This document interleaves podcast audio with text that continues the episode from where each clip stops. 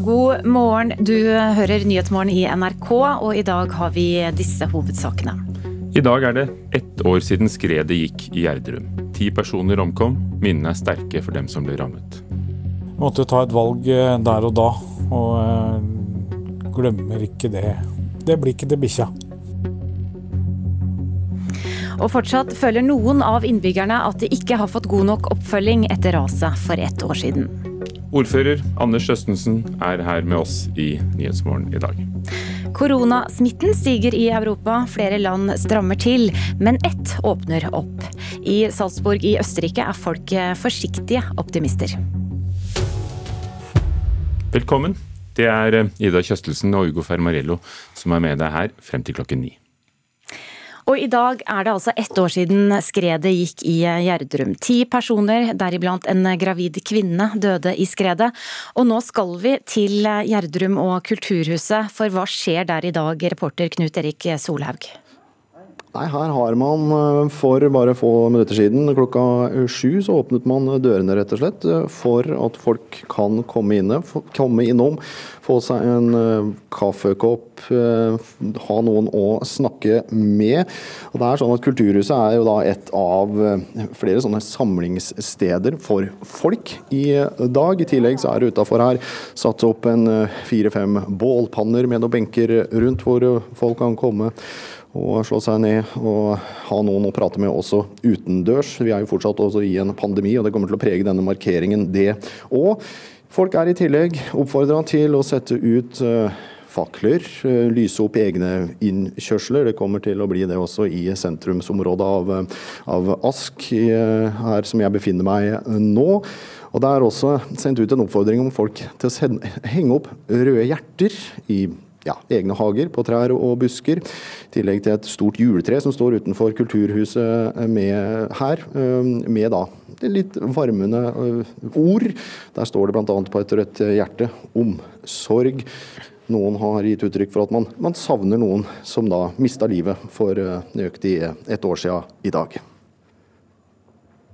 Ja, takk til deg, reporter Knut Erik Solhaug, som også var på Kulturhuset i Gjerdrum. En av dem som så vidt klarte å berge livet, er Tom Ottar Holte. Han og kona kom seg unna da kvikkleireskredet rev bort eh, hele nabolaget de bodde i. Han så nabokona forsvinne med huset sitt, og har fortsatt sterke minner fra alt som skjedde. Nei, jeg våknet av at uh, bikkja drev og dytta til meg i armen min. Og når jeg da våkner, så hører jeg en forferdelig lyd. Det er som om uh, man er ute og brøyter med et brøyteskjær på tørr asfalt, men mye høyere. Natt til 30. desember i fjor gikk et av norgeshistoriens største kvikkleireskred i Nystulia i Ask sentrum i Gjerdrum. Tom Ottar Holte og kona Elin måtte komme seg ut fort. Vi måtte ta et valg eh, der og da, og uh, glemmer ikke det. Det blir ikke til bikkja. Når vi måtte ta det valget at vi rekker ikke. Vi, for vi kom oss ikke ut uh, hoveddør. Da, da gikk garasjerekka og bakken foran oss. Derfor så måtte vi da hoppe ut bak.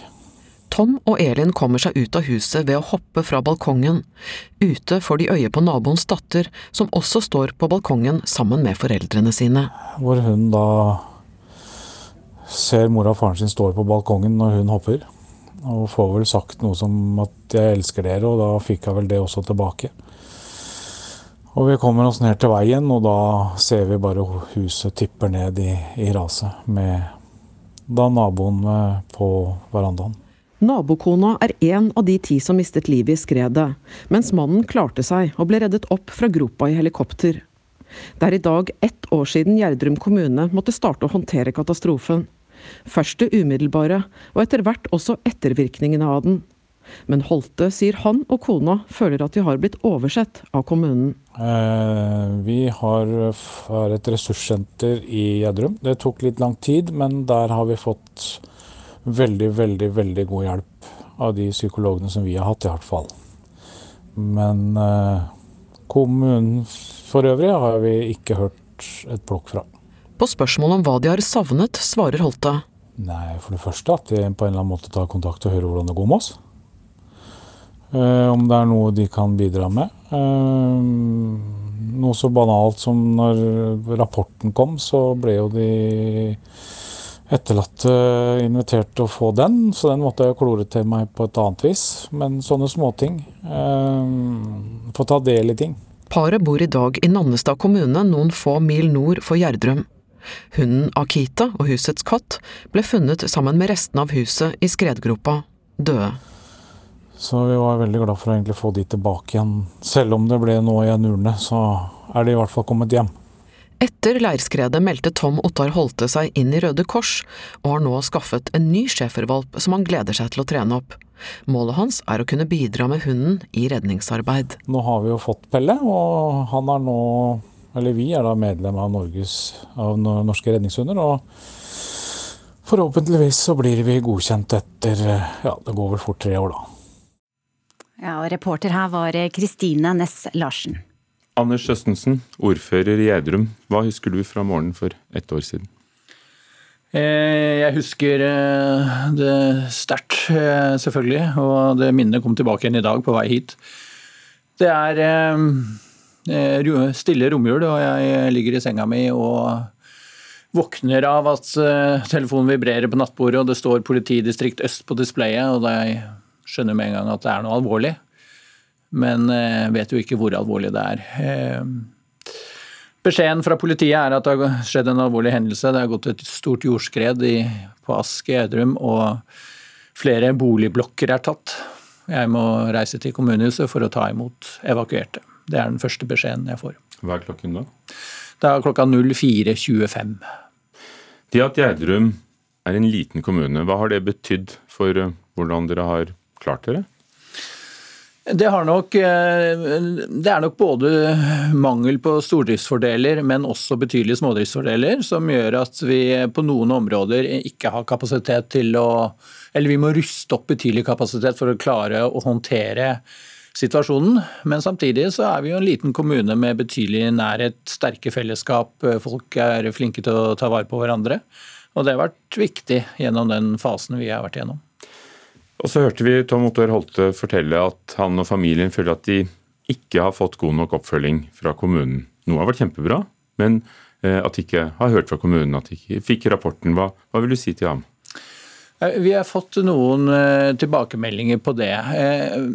Det er vanskelig å kommentere sånne enkeltsaker, men det, store bildet, og som vi det inntrykket vi har i første rekke, er at eh, veldig mange er veldig godt fornøyd med særlig det psykososiale teamet, eh, som også vi hører han er fornøyd med.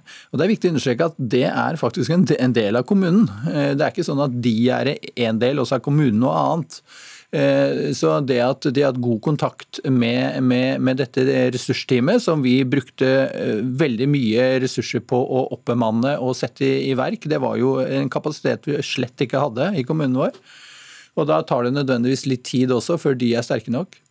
Vi skjønner alle at det, det er en situasjon den er umulig å være forberedt på, i hvert fall for en liten kommune, og, og i det hele tatt tenke seg. Eh, men likevel, er det noe dere kunne gjort annerledes? Er det noe dere har lært av det?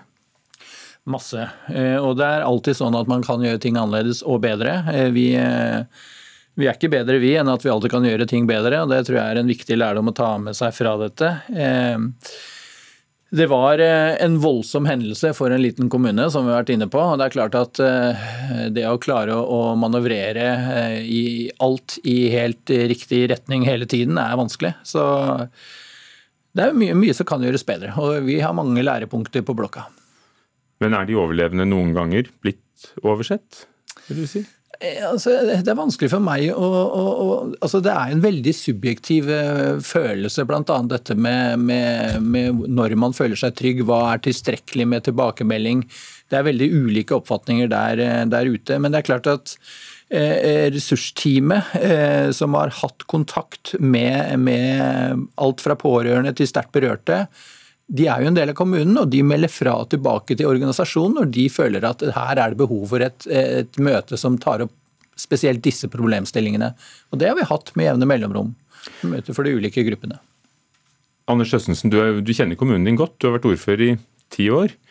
Hvordan er det i Gjerdrum nå? Jeg vil si at det er bra eh, i Gjerdrum på mange måter. Men selvfølgelig bakteppet er en stor tragedie bare et år unna. Mange er fremdeles sterkt berørt. En del har klart å, å, å, få tilbake normaliteten i hverdagen sin. Eh, og det er jo det man gjerne lengter etter når, eh, når en tragedie rammer, og kjenner igjen en trygg og god hverdag. Men det er klart, de som er etterlatte, som har mista noen, det er et, et, tap og en sorg som sitter i lenge.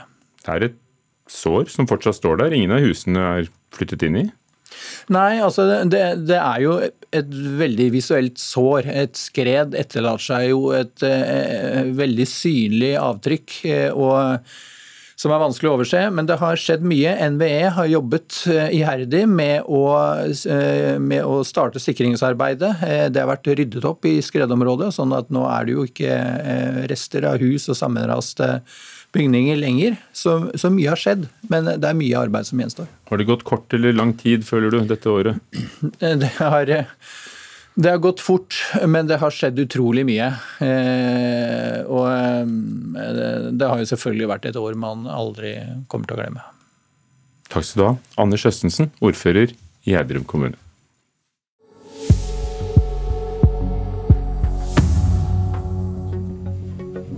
Ja, klokka er 14 eh, minutter over sju, og du hører på Nyhetsmorgen i NRK. I dag så markerer vi at det er da ett år siden skredet i eh, Gjerdrum i Akershus, det er ti mennesker omkom. Mm. A-media får trolig ut 13 aviser i dag. Større problemer med å produsere enn ventet etter hackerangrepet denne uka. En av redaktørene som får ut sin avis i dag, kommer straks hit. Koronasmitten stiger i Norge, og det er satt smitterekord i flere europeiske land. Og land etter land innfører strengere restriksjoner så er det ett land som skiller seg ut. Østerrikerne åpner opp, ølhallene er eh, i gang, og folk er glade. Es ist so schön, wieder draußen sein zu dürfen. Wir sind sehr froh. Så skal vi høre at kommunal- og distriktsminister Bjørn Arild Gram lover at penger ikke skal stå i veien for fylke og kommuner som vil oppløse tvangssammenslåinger kommende år. Det er satt en frist 1. mars for å søke om oppløsning, men i mange fylker og kommuner har de vært usikre på hvor dyrt det blir. Vi skal bidra sånn at eh, oppløsning er mulig for dem som ønsker det. Flere kommuner og fylker som ble sammenslått av Stortinget mot viljen sin, har vurdert om de skal søke om oppløsning. Skal de få lov til det, må de søke innen 1. mars, har regjeringa sagt. Men mange har vært i tvil på grunn av spørsmålet om hvem som tar regninga. Det er ikke gratis å oppløse heller. Kort før jul kom Viken fylke fram til at ei oppløsning kan komme til å koste nærmere en halv milliard. Framtidige kostnader blir dermed avgjørende for hva politikerne i Viken lander på. Vil de oppløse eller ikke? Det tror fylkesrådslederen fra Arbeiderpartiet, Siv Henriette Jacobsen. Finansministeren har vært ute og sagt at han vil ta regninga, så da forventer vi at det skjer. Og for mange i fylkestinget så er nok det avgjørende å få vite dette før fylkestinget skal gjøre sitt vedtak i slutten av februar. IKT-kostnader forklarer mye av den enorme summen i Viken. Men nå blir spørsmålet er lovnaden fra regjeringa å dekke hele regninga for oppløsningene, eller deler av den? Svaret som kommunalministeren gir i dagens romjulsversjon av Politisk kvarter, er åpent for tolking. Vi, vi, det vi har sagt, at vi skal, vi skal, stille opp skikkelig for de fylkeskommunene som eh, velger å løse opp. Jeg kan ikke gå inn i noen konkret pengesum her. Vi skal ha en dialog om det. Det er jo viktig nå også at vi får, vi får sett eh, hvordan eh, kommuner og fylkeskommuner dette gjelder, og se omfanget av det. Men Bjørn Arild Gram sier han vil respektere ønsket om oppløsning. Folkestyret har en pris. Og han lover at fylker og kommuner skal ha økonomiske vilkår til å holde fram etter ei eventuell oppløsning. Vi skal stille opp skikkelig for de fylkeskommunene og kommunene det gjelder, sånn at man nå kan sikre en god drift videre. Det er jo det som er poenget. Det er jo det tjenestene og den utviklingskrafta som skal ligge i de fylkeskommunene og kommunene videre. Det skal vi legge et godt grunnlag for i dialog med dem det gjelder. Ja, Du hørte reporter her Håvard Grønli, eh, som har Politisk kvarter i dag. og Da hører du også mer om eh, oppløsninger av sammenslåtte fylker og kommuner. En domstol i, domstol i, New York har funnet britiske Ghislaine Maxwell skyldig i å ha lagt til rette for seksuelle overgrep for milliardæren Jeffrey Epstein. Ghislaine Maxwell er bl.a. Eh, kjent skyldig i å ha rekruttert unge jenter, som så ble misbrukt av Epstein og vennene hans. Og dette har vakt stor internasjonal oppmerksomhet, ikke minst fordi vennekretsen til Epstein er ganske eh, ganske berømt. Prince Andrew, Donald Trump og Bill Clinton er blant uh, omgangsvennene. Og Det er ennå ikke klart hva slags straff 60 år gamle Maxwell får, men hun har eh, anket eh, dommen, eller hun kommer til å anke dommen, sier advokaten hennes til BBC. Epstein selv tok sitt eget liv i fengsel for to år siden, før saken mot ham kom for retten. I dag ligger noen aviser igjen på dødtrammen eller i postkassa etter det store hackerangrepet mot A-media natt til eh, tirsdag. Hackerne har krevd løsepenger, men det er fortsatt uvisst hvem som står bak. Cirka 13 av over 70 aviser er tilbake i dag, og en av avisene som blei ramma er Bergensavisen. Redaktør Tor Godal, eh, hvordan er det å sitte eh, med avisa si igjen i dag? Du, Det er så gledelig å også kunne tilby eh, abonnentene våre å kose seg med BA til morgenkaffen igjen. Det var jo det var en veldig tung dag i går når ikke vi kunne gi ut avisen. Husk på, I Bergensavisen så var det ja, Tyskerne stengte Bergensavisen i februar 41, men da krigen var over, så har BA klart hver eneste dag siden den gang på en eller annen måte, også når det har vært annet trøbbel, å gi ut avis. Men det var altså et hackerangrep som skulle til for at det ikke gikk i går. Så når jeg sitter med avisen her nå som jeg har her, så var det veldig gledelig. Og det var jo sånn at i BA så sitter jo noen av landets mest erfarne avismakere. Så de tror jeg kan lage avis av strikk og binder som de må. Og det var akkurat det de fikk til i går. Så det var veldig gledelig. Hva slags avis er det dere tilbyr abonnentene i dag? Ja, det er, en, det er en helt vanlig full size BA. Eh, så vil nok eh, en og annen grafisk feinschmecker kunne si at eh, den ser nå litt grann annerledes ut, men det tror jeg vi bare må akseptere i dag. For det i det hele tatt å få det til, var en, en seier. Du satt sjøl i møte store deler av gårsdagen, der hackingen var et tema. Det var så vidt du hadde tid til å snakke med oss. Hvordan har de siste døgnene vært?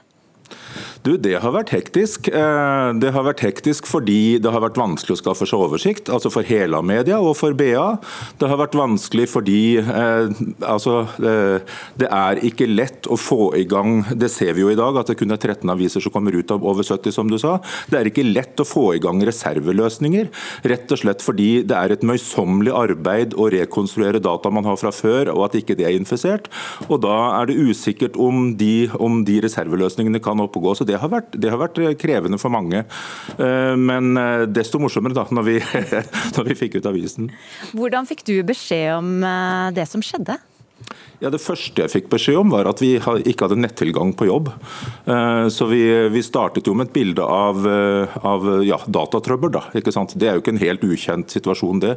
Men så kom jo beskjeden sentralt fra at dette var et, at dette var et dataangrep. Og etter hvert som timene gikk, så ble, gikk, seg jo alvoret innover oss så vet vi altså at antallet alvorlige cyberhendelser øker, ifølge Nasjonal sikkerhetsmyndighet. Hvilke tanker gjør du deg etter det som skjedde med A-media? Ja, altså Nå har vi jo gjennom de siste to årene lært oss hvor sårbare vi er helsemessig med pandemi.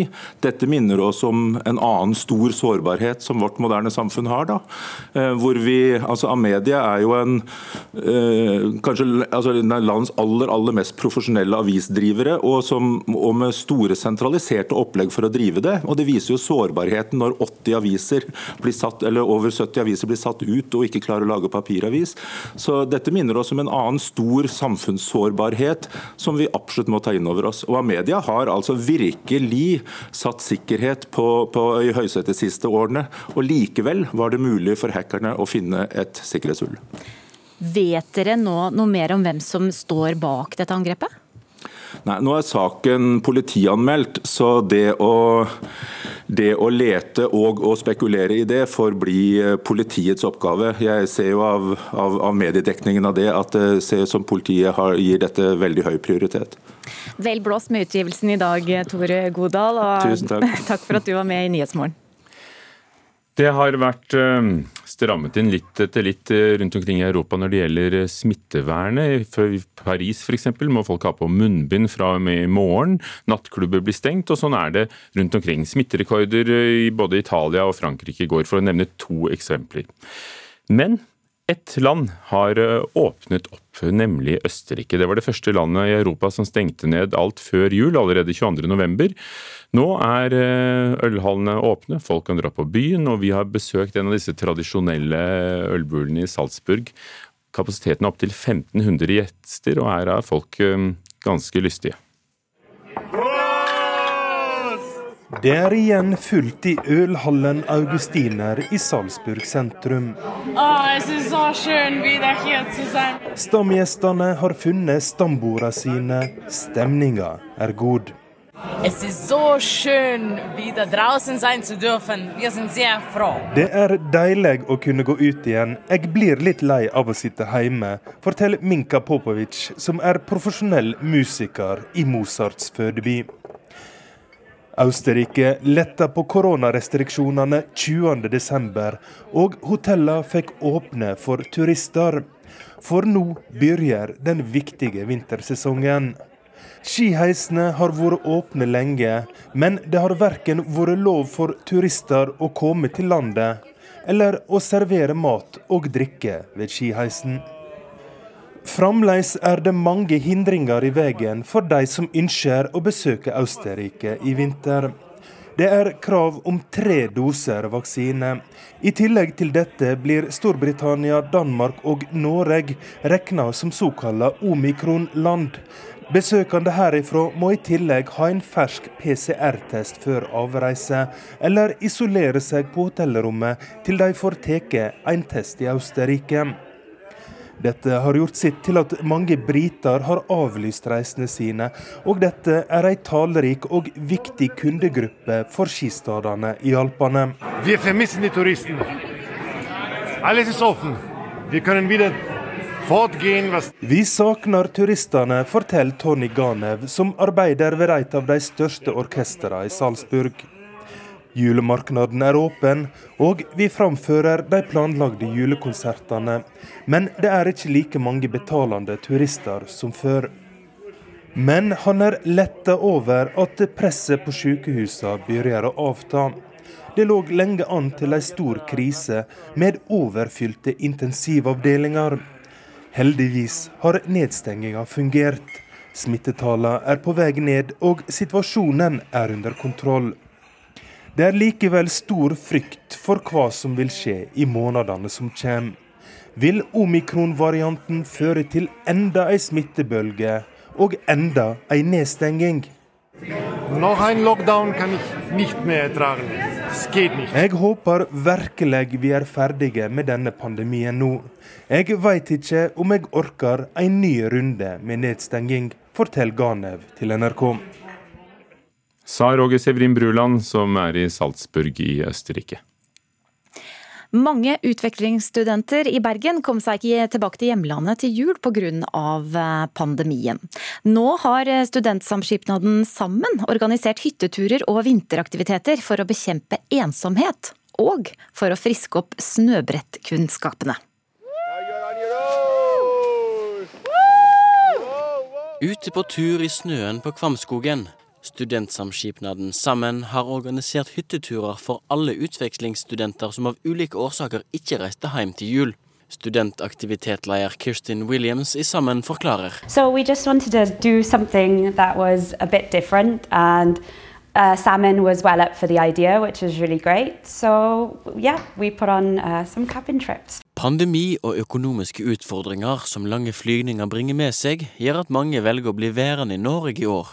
Williams mener at turene er viktig for studentene sin mentale helse, og at satsinga er Veldig viktig.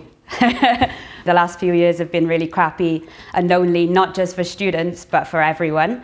So uh, we need to get those social support systems back in place for people because you can't take away uh, people's meaningful activities to them and then expect everyone's mental health to be okay. So it is important to keep these sort of activities going. Av land som er representert finner vi Aserbajdsjan, Iran, India, Pakistan, Kamerun og Uganda. Maria Goretto Nakonyi kommer fra sistnevnte land og har vært i Norge siden oktober. Hun tenker på familien i Afrika. Yeah, I miss them, but this has been fun. So, yeah, I would have been depressed if I wasn't doing this. So, this is really fun. It makes me just feel like I have family here, yeah, with friends and yeah, doing things you've not done before. Og med ting hun ikke har gjort før, mener hun snøbrett. Med støvlene spent fast, sett ut utfor bakken i Furudalen alpinsenter. I go. It's, it's up to you. Right. I'm not touching it, guys.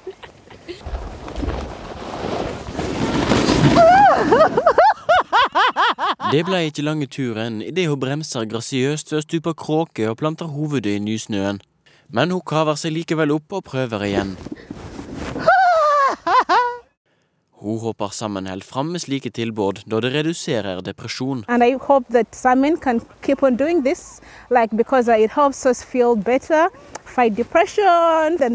like. Yeah, so I just trust and believe that Simon shouldn't stop this. This should be like every year, every year, yeah. Then I would stay in Bergen every Christmas. yeah. Ja, reporter her var Lidvard Sandven. Vi har jo hørt det før, men det er noe eget når det kommer fra de som virkelig har greie på det. Og etter Dagsnytt skal vi her i Nyhetsmorgen møte en islandsk isbreforsker som har kartlagt at verdens isbreer smelter stadig raskere. Og hun vet hva hun snakker om. Dette er Nyhetsmorgen i NRK.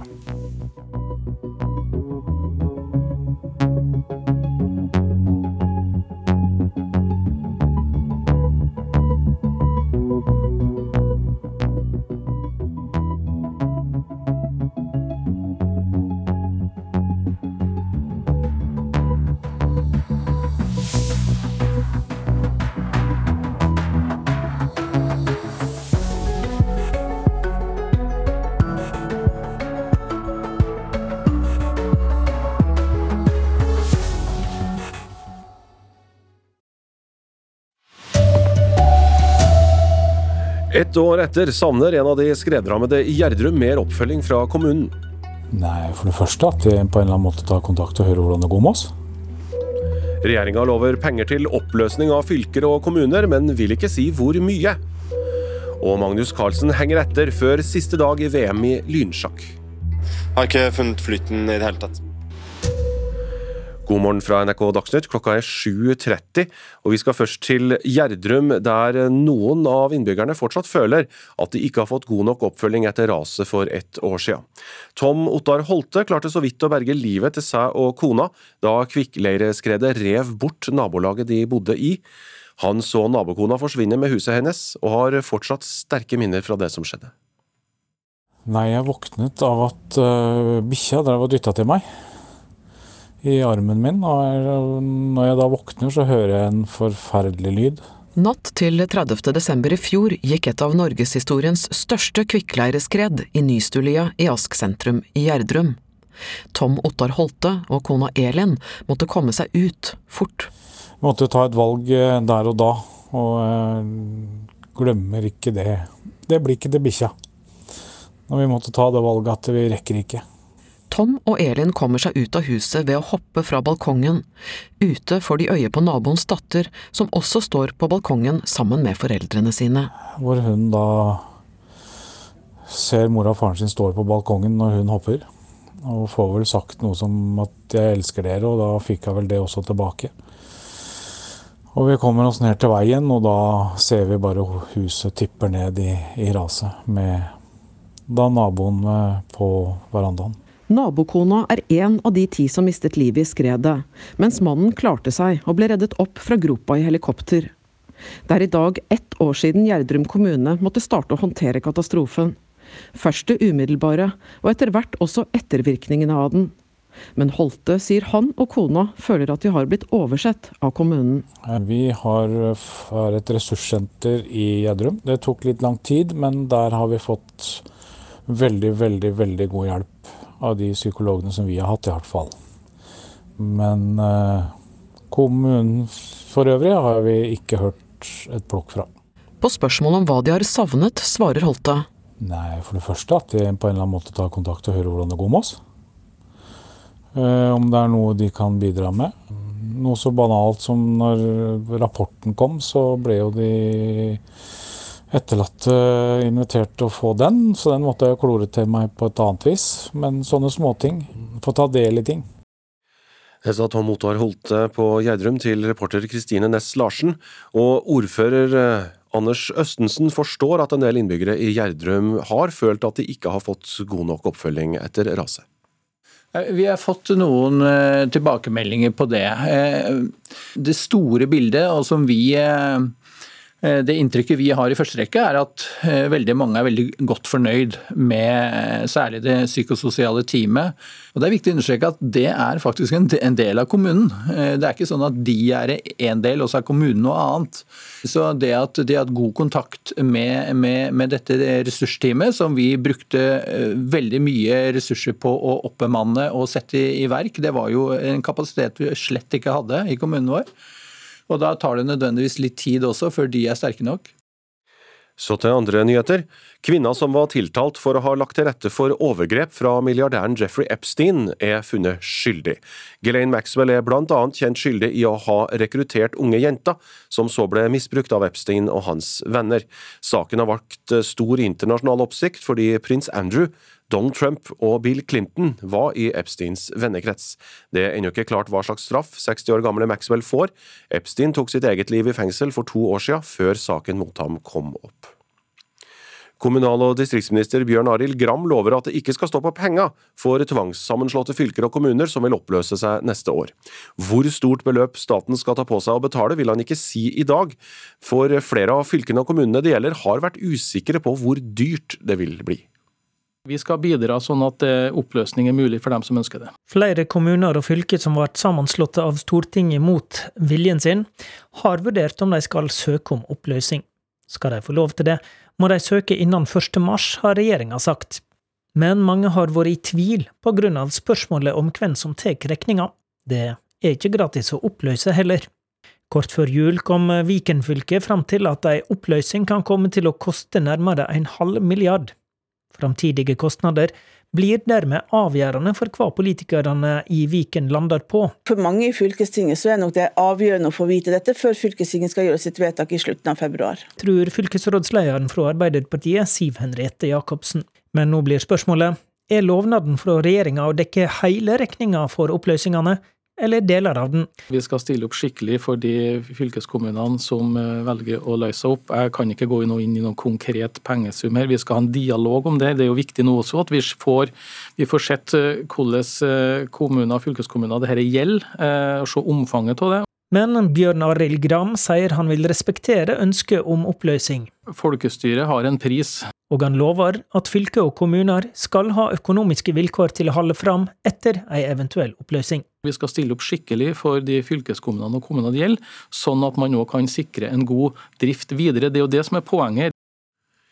Reporter er Håvard Grønli, som har mer om regjeringens løfter i Politisk kvarter i NRK P2 om litt. Norske husholdninger har over dobbelt så store verdier plassert i aksjefond som de hadde da pandemien ramma i mars 2020 og kursene stupte. Det viser nye tall fra Verdipapirfondenes forening, og en av dem som har økt sin aksjesparing er Line Kleveland fra Trondheim. Ha penger stående bare på en vanlig sparekonto, så blir jo ikke noe særlig avkastning. Det er jo heller at man taper verdi på pengene. Og flere enn før gjør som Line Kleveland og setter av litt av lønna hver måned i fond. Det er jo ikke noe som vokser til himmels, det vil jo sikkert justere seg litt etter hvert det der også. Men eh, Nei, at man kanskje, som, som for egen del, da, har, driver litt sånn med sparing, sånn fast sparing, men man kanskje sparer litt ekstra av og til når man har mulighet til det også. Husholdningene hadde ved utgangen av november 267 milliarder kroner investert i aksjefond. Det er over dobbelt så mye som da pandemien ramma markedene vinteren 2020, viser tall fra Verdipapirfondenes forening. Økninga skyldes både at mange har spart mer enn før, og at nye fondssparere har kommet til, sier administrerende direktør Bernt Sakariassen. Men de siste par årene så har det skjedd en betydelig endring. Nå er det nesten én av to nordmenn som sparer i fond. Og har, den økninga fra en tredjedel til nesten halvparten, det har skjedd i løpet av et par år. Samtidig som mange har økt sparinga under koronaen, er det 16% av husholdningene som ikke har noen mulighet til å spare, sier forsker Christian Poppe ved forbruksforskningsinstituttet SIFO. Sparing er jo et uh, fenomen som er betydelig skjevfordelt i samfunnet. Uh, I løpet av pandemien så er spareevnen blitt betydelig redusert da, blant de som er mest utsatt økonomisk i samfunnet. Reporter i denne saken Johan B. Settem. Magnus Carlsen henger etter i kampen om VM-gull i lynsjakk. Etter første dag i går leder Levon Aronian med ti poeng etter de første tolv partiene, mens Carlsen ligger ett og et halvt poeng bak, på delt femteplass. NRKs sjakkekspert Torstein Bae mener den regjerende verdensmesteren presterte svakt.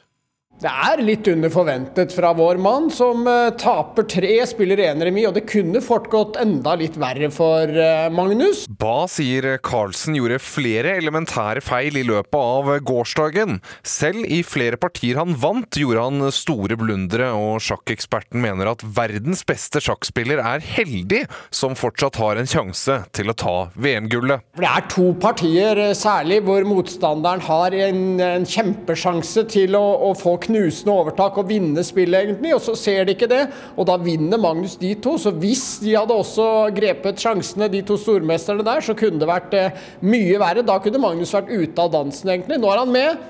Men må skjerpe seg. Carlsen selv forteller at han slet med å finne frem godspillet. På starten så gikk det jo bra, følte jeg at jeg greide å bruke tid på riktig tidspunkt, men etter hvert så har jeg ikke funnet flyten i det hele tatt. Det sa Magnus Carlsen til slutt i dette innslaget. Reporter var Edvin Strømme. Du kan følge siste dag av VM i lynsjakk. Det skjer i NRK1 og i radioens NRK Sport, og begynner klokka 13.40. Men allerede nå så skal du vite at det er vanskelige kjøreforhold flere steder i Sør-Norge pga. regn, snø og kulde. Veitrafikksentralen ber folk som må ut med bilen, om å kjøre forsiktig. Tre personer ble lettere skadd i en trafikkulykke på E6 sør for Sarpsborg, og veien var stengt der en kort periode i dag tidlig. Politiet i både Innlandet og Agder mellom utforkjøringer og trafikkuhell, men uten personskader. Og rv. 13 over Vikafjellet er stengt. Ansvarlig for NRK Dagsnytt var Arild Svalbjørg, mitt navn er Jon Branes.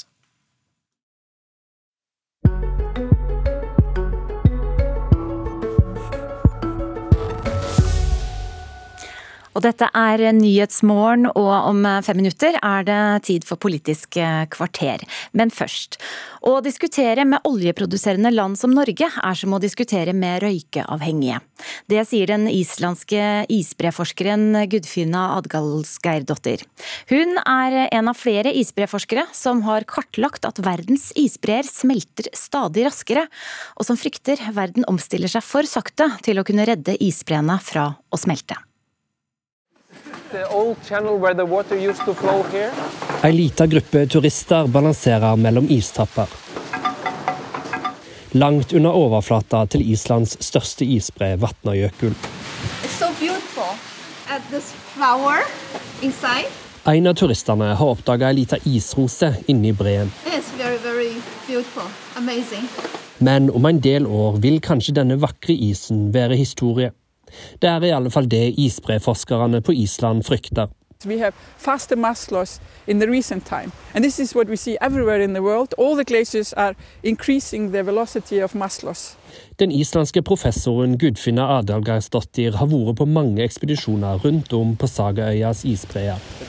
Nå står hun langs sjøkanten i hovedstaden Reykjavik og forklarer hvordan byens sentrumsgater vil bli oversvømt om været ikke klarer å stanse smeltinga av isbreene. So sea level is now rising faster than any other time in the last 3000 years. If we act very rapidly, reducing our uh, emissions as fast as we can and as much as we can, basically stop burning fossil fuel and become carbon neutral, we can actually slow this process, we can slow the melting of the glacier, and we can actually save some of the biggest ones. Sammen med andre forskere har hun kartlagt hvordan smeltinga øker i tempo, år for år. Og om ikke verden snart tar en U-sving, så vil dette fortsette. Isbreforskere på helt andre steder i verden ser det samme som Adagersdottir. I et småfly over Alaska sitter Lathan Felly bak spakene. Hun forsker også på isbreer og har tatt med seg danske DR opp i flyet sitt.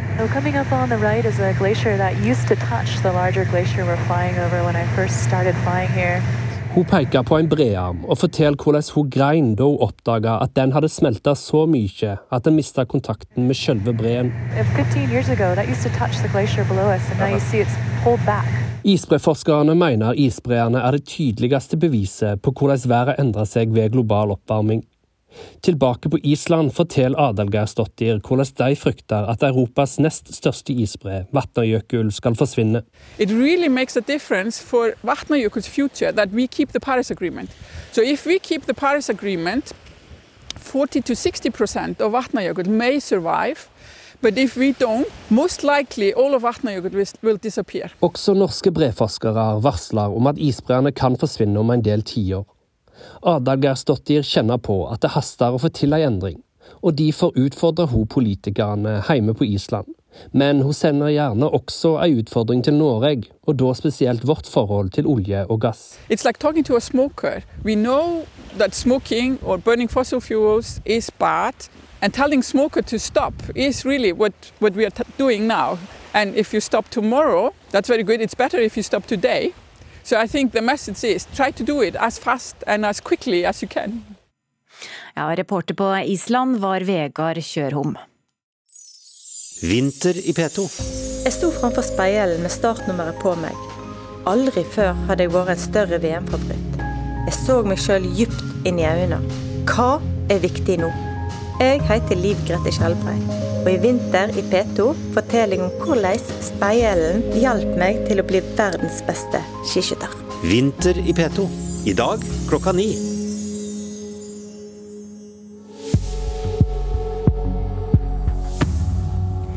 Ja, dette er Nyhetsmorgen her i NRK, og vi fortsetter fram til klokka er ni.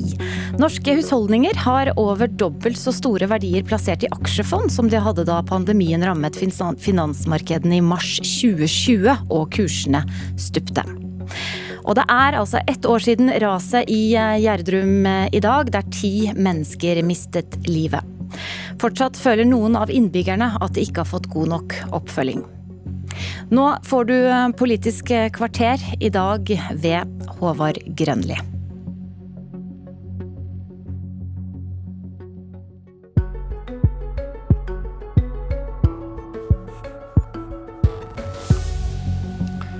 «2022 skulle bli et år for reversering av kommune- og fylkessammenslåing, men blir det slik?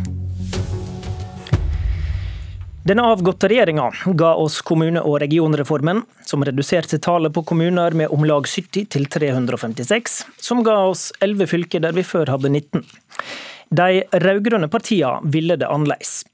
I denne sendinga skal vi ikke diskutere om reversering er en god idé, men vi har invitert ulike rød-grønne stemmer for å gå litt inn i hva som egentlig kan skje neste år.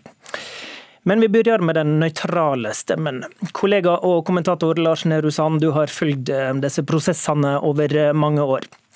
Hurdalsplattformen fra Ap og Senterpartiet erklærte at tvangssammenslåtte kommuner og fylker skulle få løse seg opp om det kom søknader første halvår i 2022. Så da skulle en vel tro at de stilte seg i kø, men det ser kanskje ikke helt slik ut? Det er god plass i, den køen foreløpig. Det er 13 kommuner man sier at kan regnes for å, å være såkalt tvangssammenslått. Men av de så er det egentlig bare et par som, hvor det har vært en reell prosess, og flere steder er den prosessen også kortslutta.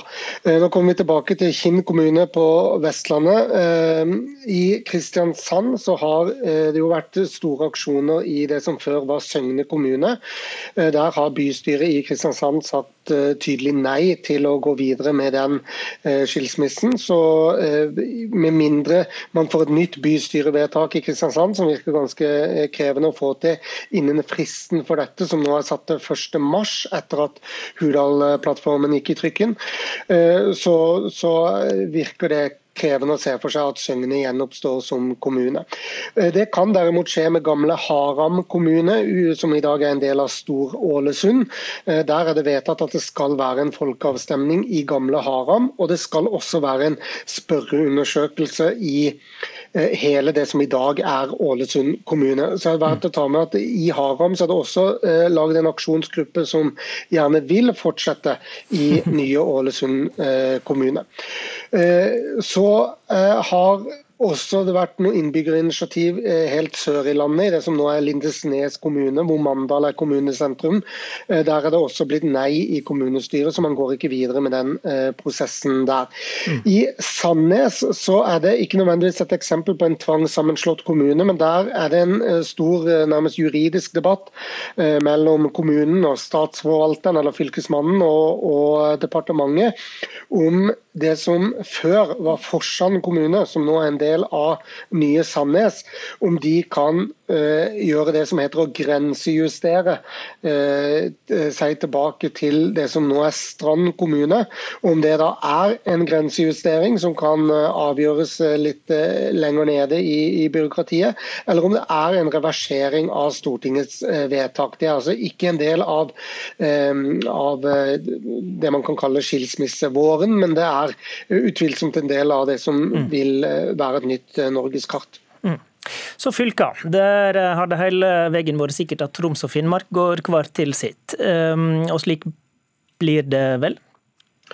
Ja, Det får vi tro. X-faktoren der er jo hva Alta kommune gjør. De vil ha en folkeavstemning på hva Alta gjør dersom eh, fylkesammenslåingen reverseres, om de da skal bli værende i Troms eh, fylke eller bli en del av Finnmark, sånn som de var. Og Geografien der oppe tilsier at det er en ganske stor beslutning for også det som blir det gjenoppståtte Finnmark fylke eventuelt. Vi kommer tilbake til Viken, men det har plutselig blitt snakk om flere fylker. Kan det bli flere fylker som blir oppløst enn Troms, Finnmark og eventuelt Viken? Ja, Med eh, svært overraskende og bare én stemmes margin, så vedtok jo Innlandet å ha en folkeavstemning rett over nyttår. Der er man jo spent selvfølgelig på valgdeltakelsen og resultatet, men eh, der er det også en del eh, Alta-eksempler hvor Kongsvinger kan være en X-faktor og gjøre litt det samme som Alta, og, bli en del av Viken eller Akershus hvis, hvis, man nå likevel skal tegne kartet på nytt. Og så er det jo sånn at det er ikke det samme. Eh, hvis man reverserer Hedmark og Oppland, så er ikke det de to fylkene som den gang var, fordi det er gjort en del overflyttinger til, eh, til Viken og, og sånn, som, som, gjør at den dynamikken også blir litt annerledes. Så det er et ønske ingen formell politisk prosess i Vestfold og Telemark. Eh, mens i Sogn og Fjordane, eller det som nå er Vestland, eh, så virker det ikke like prioritet med en eh, oppløsning. Men, men Innlandet kan bli søke om en skilsmisse, og det samme kan man se for seg i Vestfold og Telemark, selv om klokka tikker og går da, mot 1.3, og spesielt hvis dette skal utredes og man skal ha store folkeavstemninger eller andre former for undersøkelser for å bygge opp under et politisk vedtak. Nord i gamle Sogn og Fjordane ligger Kinn, kjent som den mest spesielle kommunen i landet etter reformen. Kommunene Vågsøy og Flora gikk sammen, men reiser du de ti mila mellom de gamle kommunesentra, så må du gjennom store Bremanger kommune. Sissel Kongsvik, du er leder i Kinn Senterparti. Kinn har jo vært omdiskutert, og en har vurdert en oppløsningsprosess. Hva skjer nå, da? Eh, nå har det vært et Eh, innbyggerinitiativ med, med underskriftskampanje. Eh, og vi, I forrige kommunestyremøte så hadde vi oppe det som sak. Og Det som er tenkt nå, det er at vi skal ha en utgreiing og så, eh, der vi ser på fordeler og ulemper med, med kommunesammenslåing og eventuelt reversering. Og så skal vi da ha en folkerøsting deretter. Det er det som ligger i kortene nå. Men Kinn var formelt sett frivillig sammenslåing, og oppløsning av slike sto egentlig ikke i Hurdalsplattformen. Fra din ståstad, hadde du likevel grunn til å håpe på at uh, du kunne få til ei oppløsning? Ja, det er klart at vi håpte på det, så vi var jo litt skuffa i forhold til, til, at vi ikke var, var nevnt i Hurdalsplattformen. Det er tre, eh, tre ganger har folk i tidligere Vågsøy sagt nei til Kinn. Uh, mens uh, likevel så gikk jo kommunestyret inn for Tinn kommune, da. Hva har skuffa deg med det standpunktet partiet ditt gjorde på dette feltet, da? Nei, jeg tenker at De nevnte jo kun de tvangssammenslåtte kommunene, men i dette tilfellet her så er det jo jeg si, frivillig tvang. ikke sant? Altså, Vi ble jo, vi ble jo Hva nå det er? Hva nå det er. Nei, men jeg tenker Erna-regjeringa gikk jo ut og, og, var veldig, veldig klar på at det kom til å straffe seg for de som ikke ville slå seg sammen. ikke sant? Sånn at det, det lå jo litt tvang bak alle sammenslåinger. Vi skal høre med kommunalminister Bjørn Arild Gram fra Senterpartiet, som sitter her i studio. Hva sier du til din partikollega kollegaer i Senterpartiet som er skuffa over at det, dette ikke ser ut til å kunne gjelde så mange? Nei, Hurdalsplattformen viser jo til de tvangssammenslåtte kommunene og fylkeskommunene. Det er jo veldig beklagelig at de må gjennom den runden, at det er brukt tvang mot lokaldemokratiet på den måten. Men det er lagt en prosess nå da, med frist 1.3 for, for de ti kommunene og fire fylkeskommunene som, det her, som ble formelt tvangssammenslått.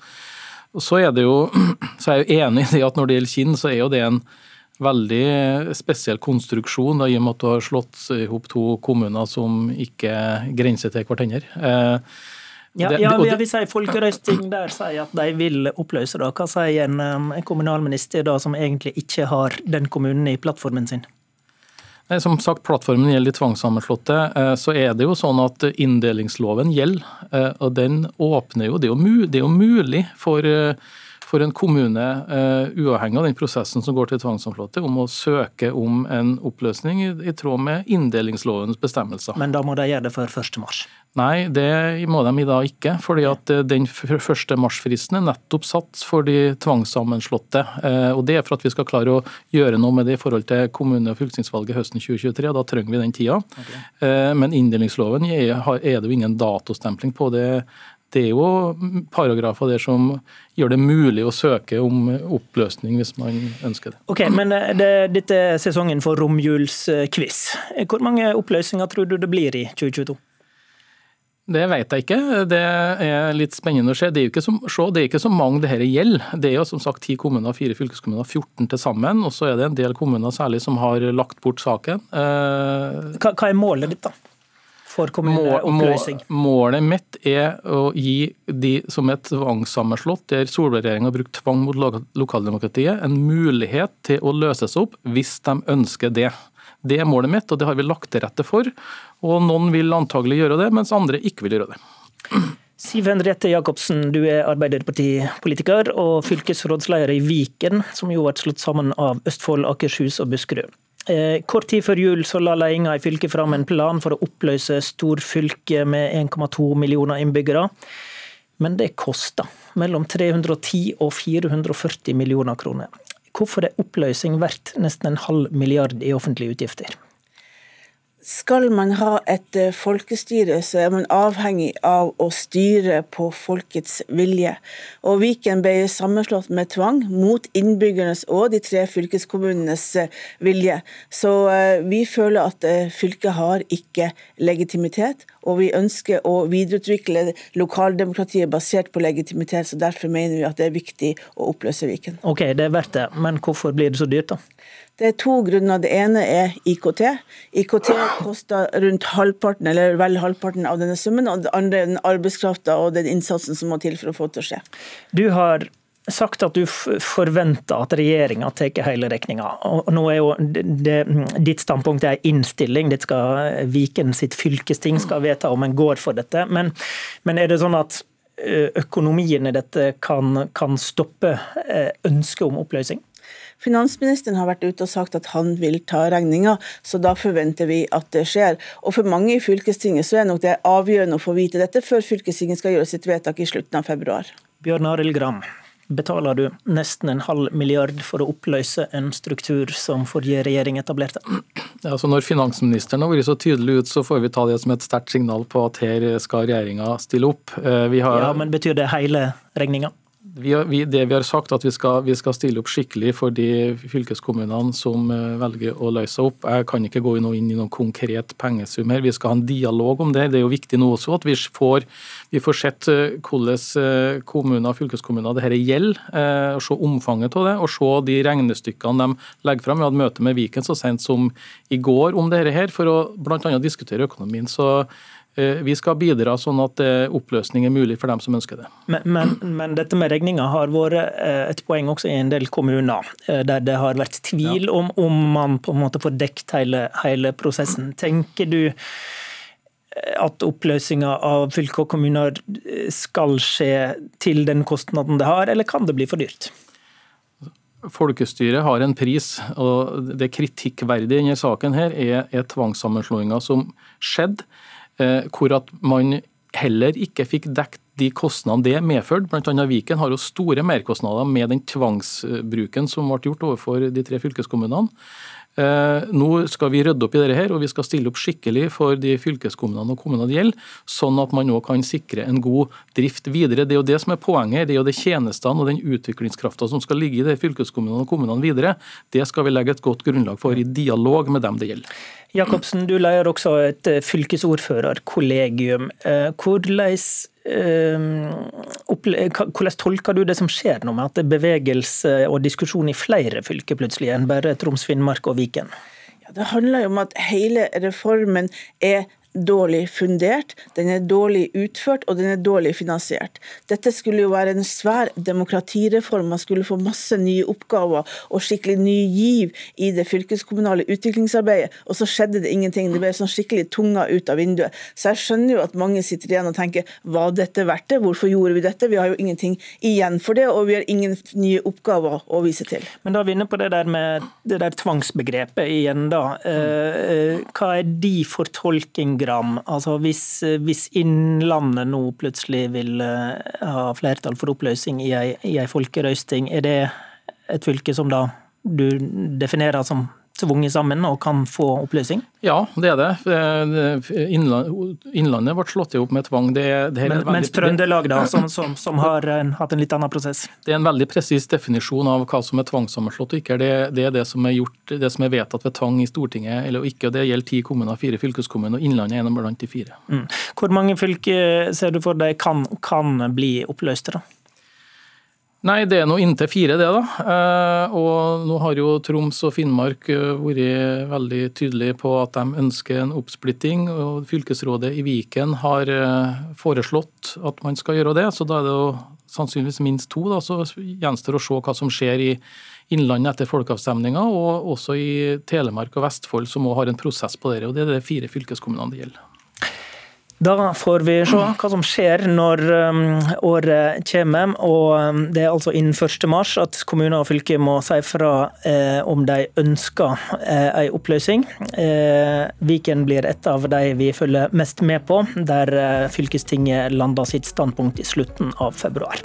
Takk til alle fire for at dere var med. Programleder i dag var Håvard Grønli.